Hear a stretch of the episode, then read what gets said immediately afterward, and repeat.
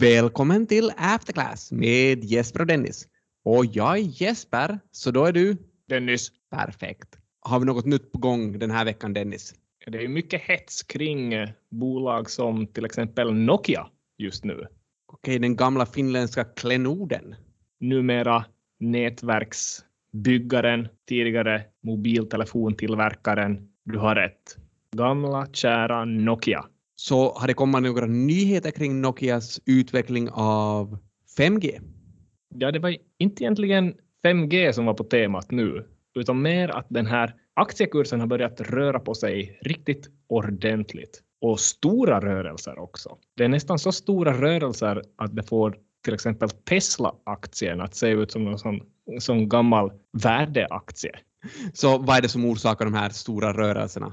Som jag har förstått det så är det någon slags armé av individuella investerare som ligger bakom de här rörelserna. Man har alltså hetsat upp Nokia som en kanske framtida vinnare, även om det kanske inte riktigt finns belägg för det hela. Skulle man till och med säga att det här är någon typ av del av ett internetfenomen? Det måste man väl säga. Är det det här Reddit-forumet där allting kanske har börjat. Det finns en sån här subforum där som heter Wall Street Bets. Så vad är det för typ av personer som är på det här forumet? Är det analytiker som analyserar olika bolag eller är det någon annan typ av investerare? Som jag har förstått det så är det mer yngre människor. I genomsnitt är det män. I genomsnitt är de 32,10 år. Du vet 3210 som man brukar säga i, i Nokia-språk. Och de här 32,10-åringarna har nu mobiliserat sig. Jag menar, det här väcker bara frågor känner jag. Att varför mobiliserar de sig och mot vad mobiliserar de sig? Ja, de har väl kommit på att det skulle vara en kul grej om alla skulle gå in och köpa Nokia. För att det finns mycket som talar för att Nokia skulle vara ett framtidsbolag. De bygger ju mobilnätverk och det behöver vi ju. De har mycket tillgångar, stor kassa, de har bytt ledning, så varför inte? Kanske den här Nokia-aktien skulle kosta 100 i framtiden. Och nu kostar den ju 4. Jo, men som sagt, vi har stora rörelser. 10 procent hit, 15 procent dit, till och med 80 procent upp i USA häromdagen. Och det ska vi komma ihåg här, det här är ju inget litet bolag vi pratar om, utan som vi nämnde, det här var ju ett av Finlands största bolag mätt i marknadsvärde. Och det har blivit ännu större. Så de här personerna på, på Reddit, de leker verkligen med den finländska aktiemarknaden. Och lite också med den finska folksjälen, eftersom det, det handlar om, om Nokia här. Nokia själv har gått ut med ett pressmeddelande också och sagt att det är inga nyheter på bolagsfronten, så vi vet inte egentligen varför kursen rör på sig. Har de här handlarna på Reddit gett sig på något annat bolag tidigare? Jo, det finns ett antal liknande exempel som till viss del skiljer sig. Till exempel GameStop var en populär aktie att gå in för här efter nyåret. Så GameStop, en sån här gammal spelbutik? Fysisk butik.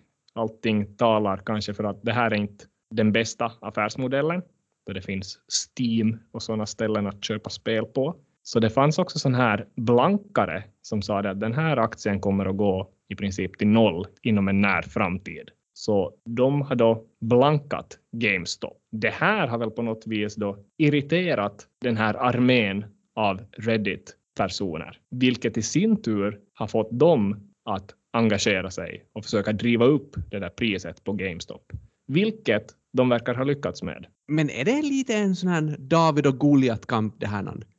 Det är väl exakt just vad det är. Vi har i en sida av ringen såna här stora hedgefonder och blankare som det är Melvin Capital, Citron Research och så vidare. Och i andra ringhörnan har vi den här armén av några miljoner av 32,10-åringar. Och hur ser det ut att gå här i första ronden? Det var armén som vann första ronden för att bland annat det här Melvin Capital blev tvungna att ge upp. Så ge upp sin korta position i GameStop. Lite intressant. Vi, vi pratade ju om det här med blankning i ett avsnitt. Ja. Och då hade vi ju ett case, det här Luckin Coffee, där blankarna sa det att priset kommer att gå ner, vilket det gjorde och blankarna gjorde stora pengar. Men nu har vi då det här andra caset där blankarna säger att priset kommer att gå ner, men priset mångdubblas upp. Så vad, vad händer med blankarna då? Så jag gissar att de inte gör så mycket vinst på det här, utan kanske till och med ganska stora förluster. Det blir väl just en sån situation. Det låter ju som igen de här Reddit-personerna leker med den finländska aktiemarknaden och i princip ändrar på priset på de här aktierna precis som de vill. Det känns på något sätt som om det här inte skulle vara så bra för aktiemarknaden och för vanliga investerare. Och det är ju många som också påstår att det här absolut inte är i linje med hypotesen om den effektiva marknaden. Nej, precis. För vad säger den hypotesen? Men det är det ju inte heller så många som har koll på.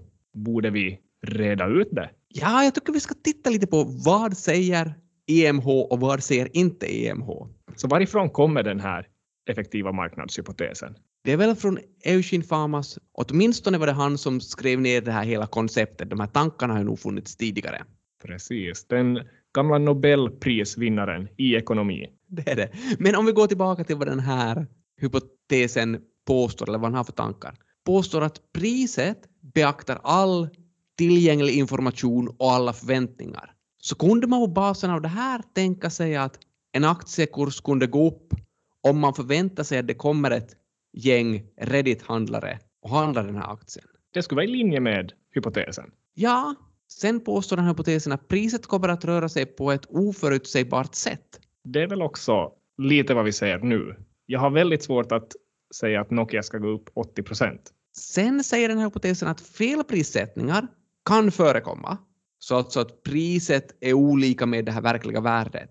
Men de här felprissättningarna uppstår inte på något förutsägbart sätt, utan det är ganska slumpmässiga saker som händer. Låter ju lite igen, precis som vi har det nu. Exakt. Sen påstår de några andra saker till. Investerare kan inte få riskjusterade abnormala avkastningar eller riskjusterade överavkastningar. Mm, kanske, kanske inte, men EMH påstår också att priset idag är en bra, om inte den bästa, appro approximationen på företagets verkliga värde. Hur har vi med den? Känns den korrekt idag angående Nokia då? Det beror på vilken sekund man ser på priset. Jo, och det känns väl som att det här är kanske någonting som inte är riktigt sant för tillfället. Men igen, vem är det som vet Nokias verkliga värde? Men i alla fall kan man väl säga att om inget nytt har hänt bolagsmässigt borde man inte se en sån där kraftig reaktion. Jag håller helt med, men jag håller kanske inte med om att det här är det ultimata beviset på att marknaderna absolut är helt oeffektiva. För man ska komma ihåg, hypotesen om den effektiva marknaden påstår inte att priset alltid kommer att vara korrekt. Det påstår inte heller att alla investerarna är rationella. Nej, för det är väl helt möjligt att det finns så här så kallade noise traders också med i leken. Det finns ju också forskning och hypoteser kring hur marknaden kommer att fungera om vi har sådana här noise traders. Så då tänker jag på kanske ett papper i JPE. Okej, okay, det, det, var en svår nöt att knäcka. Journal of... Ja, nu måste du hjälpa mig. Journal of Political Economy. Okej, okay, JPE. Noise Trader Risk of Financial Markets heter det här pappret. Okay. Skrivet av DeLong, Slifer, Summers och Waldman. Summers? Är det den här typen som har varit rektor för Harvard? Ja, Lawrence Summers. Så om du heter Lawrence, vad skulle du ha som nickname i USA då? Är det Larry? Jo, så han kallar sig alltså Larry Summers, rektor för Harvard. Det roliga här är att han är med på ett hörn i filmen The Social Network. Facebook-filmen? Jo, Facebook-filmen. Så det är han som är rektor när Winklevoss-bröderna går in och diskuterar med Harvards rektor. Finns det någon Nokia 2010 också? Jag menar, filmen Social Network kom ju ut 2010. Ja, kanske är det en Nokia-referens det också. Okej, okay, men vad, vad berättar du om den här filmen? Bara att han var med. Ingenting annat, hade en scen där. Ja, ja. En lite rolig scen där han porträtteras väldigt arrogant. Men det var inte det vi skulle prata om. Vi ville fundera kring de här noise traders. Precis. Är typerna på Reddit noise traders? I den här artikeln påstår de att noise traders är handlare som inte har någon insiderinformation Men de handlar på informationen de har som om den vore insiderinformation. Vad tror vi om de här personerna på Reddit? Är det noise traders? De verkar ju mer handla för att det är en kul grej. Så det är väl inte som att de skulle tro att de har insiderinformation. Kanske de till och med är ännu lite mer noisiga än de här noise traders som finns med i den här artikeln. Så det är inte riktigt den definitionen av rationell investerare i varje fall. Nej, det är det inte. Grejen är här att man hade länge tänkt att sådana här noise traders egentligen är ganska oviktiga att studera. För både Fama och Friedman har alltid tänkt sig att om det kommer in några noise traders så kan de här rationella eller sofistikerade investerarna dra nytta av de här andra icke-sofistikerade investerarna och på så sätt kommer priset att gå mot det korrekta och de här noise traders eller icke sofistikerade investerarna kommer i princip att förlora pengar och försvinna från marknaden efter ett tag. Så egentligen har man alltid trott att sådana här typer av handlare är ganska oviktiga för prissättningen. Men går det nu åt nästan andra hållet? Att det är de sofistikerade investerarna, alltså till exempel sådana hedgefonder, som får sig på fingrarna av de här riktigt noisigaste noise traders som vi har, eller verkar ha. Jo, men om vi summerar det här pappret, vad de säger, om det finns sådana här noise traders så kanske inte de här sofistikerade investerarna vågar rätta till priset, för det finns alltid en risk med det. Och det är ju exakt det som du sa här tidigare som vi ser. Hur mycket vet vi om de här noisiga noise traders, annat än deras genomsnittliga ålder? Inte mycket. Okej, okay. jag har en idé. Låt oss prata med en som kanske vet mera. Han heter Klaus Algren. Vi ringer upp honom. Så välkommen till Afterclass, Klaus. Vem är du? Tack. Roligt att jag fick komma. Jag är första studerande här i Hanken i Vasa och har äran att få komma med här på er podd lite. Vi är väldigt glada att ha dig här, för vi har en hel del saker som vi måste reda ut känner jag. Ja, hur mycket vet du om det här med då någonting blir stort på Reddit bland annat? Att hur har det funkat det här med, med GameStop? Vad ligger bakom all bass? Ja, no, det är ju en sån här kanal som heter Wall Street Bets och kanske några andra mindre också, men i huvudsak den här. Och där så är det nog helt enkelt så att sen när någon eller när någonting börjar lite växa och det blir stort så sen är alla med på, på liksom linjerna. Och det bara växer och växer och växer. Och så har det gått nu ganska extremt i det här fallet med GameStop. Men hur blir det så här självklart så det bara växer och växer? Att, hur får man alla med på den här, på den här resan? Det har börjat i vissa fall från det att någon har haft en helt, helt riktig analys på att något pris är helt fel på en aktie. Och kanske det var i början på det sättet också med GameStop, att de tyckte att det var undervärderat. Sen började de köpa det ganska mycket då redan när de fick lite goda nyheter om GameStop kanske. Men att det var inte ännu då som den här raketen började, började skjuta upp i luften för GameStop, utan det var nu i det här fallet det att de fick veta att det finns sådana helt massiva shorts på GameStop. Och några större spelare hade då liksom att det var inte främst många shortare utan det var några stora och när de fick veta det så blev de ju helt emot mot det här och ville göra liksom harm för de här som har shortat. Och bästa harmen mot en short är ju att priset stiger. Så nu har de, nu har de liksom pumpat upp priset i flera dagar och det tycks funka. Är det på något vis att man hyser agg mot de här blankarna på något vis? Nu är de väl i allmänhet lite emot mot de här Wall Street och, och hedgefonder och sånt här. Som bäst så är nog deras mål att typ nästan få ner de här några spelarna med att om inte de liksom kastar in handduken och stänger de där positionerna på jättemycket minus så blir det ännu större minus för att de tänker inte sluta pumpa upp priset. Och en rolig sak som jag har läst någonstans här att, att eh, många av de här som håller på med det här så de var faktiskt barn då när det var den här finanskrisen. Och under den krisen så blev ju flera arbetslösa och till och med hemlösa och att de ännu skulle e- efter det vara liksom sura då på Wall Street. Och att de tycker dessutom att shorting är, är kanske lite oetiskt och så här. Just det, så det finns lite nästan personligt där i bakgrunden då också. Kanske lite, kanske lite ja. Var det så att man läste på det här forumet också att det känns som de har som, det här är en kamp för dem? Nästan ett krig. Ja, nu är det lite så. Och de talar mycket om det att, att uh, köp och håll och, och att inte, inte sälja, att inte ge helt enkelt upp och att det här är en match eller en kamp som de vill vinna. Och nu igår tycker jag att, att det verkar lite som att de börjar redan heja sådär att, att okej, okay, nu har vi sluppit jättelångt, att vi kanske har vunnit det här, men att de tycks inte sluta för att det tycks stiga ännu, ännu massor. Om man är på den här Wall Street Bets, att hur ska vi se vad som, vilka aktier är mest på gång? Hur kan vi mäta det här på något sätt?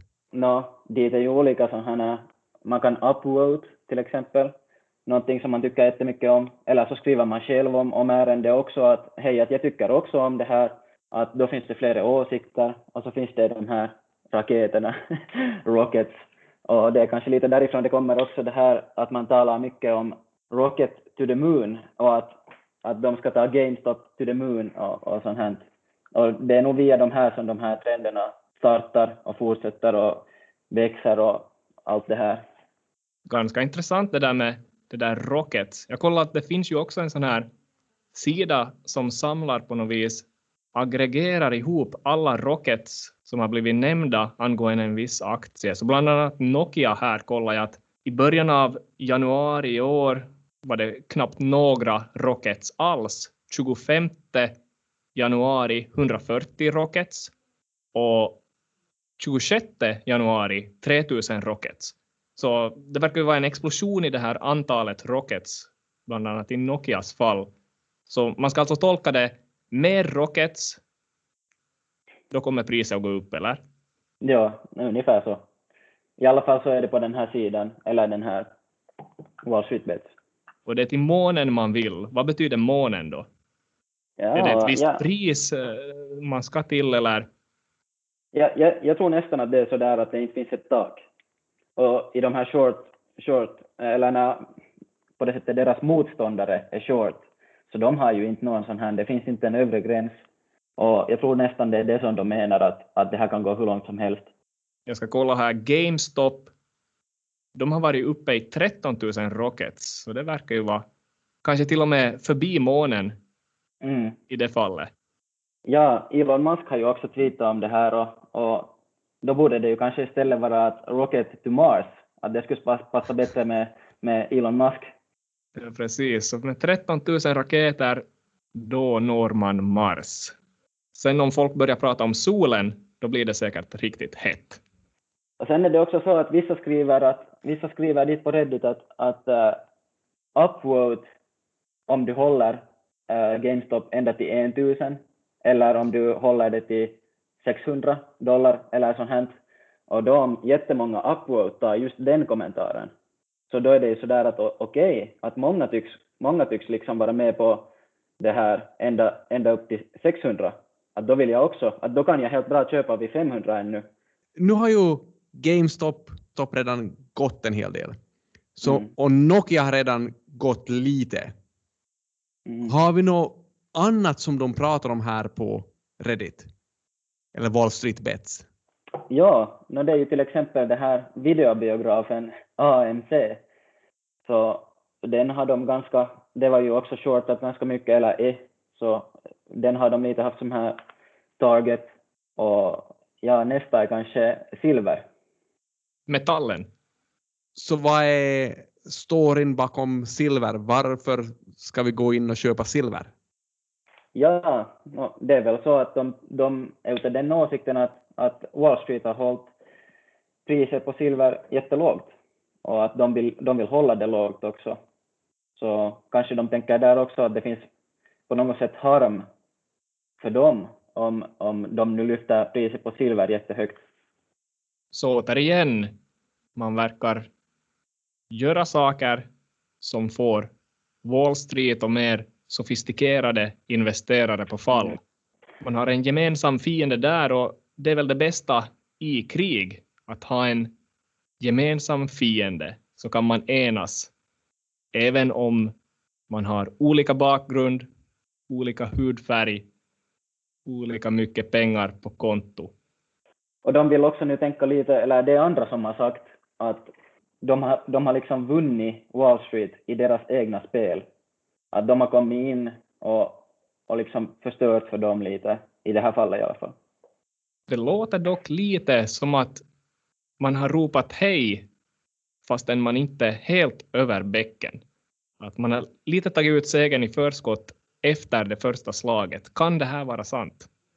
Ja, kanske, kanske lite, men sen också att om man, om man tittar i nuläget så ser det ju ut att inte, inte har varit slut ännu. Att kanske vissa har lite heja och sen ändå andra tänkt sådär att nej, nu fortsätter det här ännu. Precis, det är det som det betyder det där citatet som jag läser här. We can remain retarded longer than they can remain solvent. Kanske mm. det är någonting sånt man menar med det där. Fantastiskt. Vi kan tacka dig här, Klaus, för alla insikter som du har gett oss. Tack. Och så återkommer vi nästa vecka med nya insikter i After Class.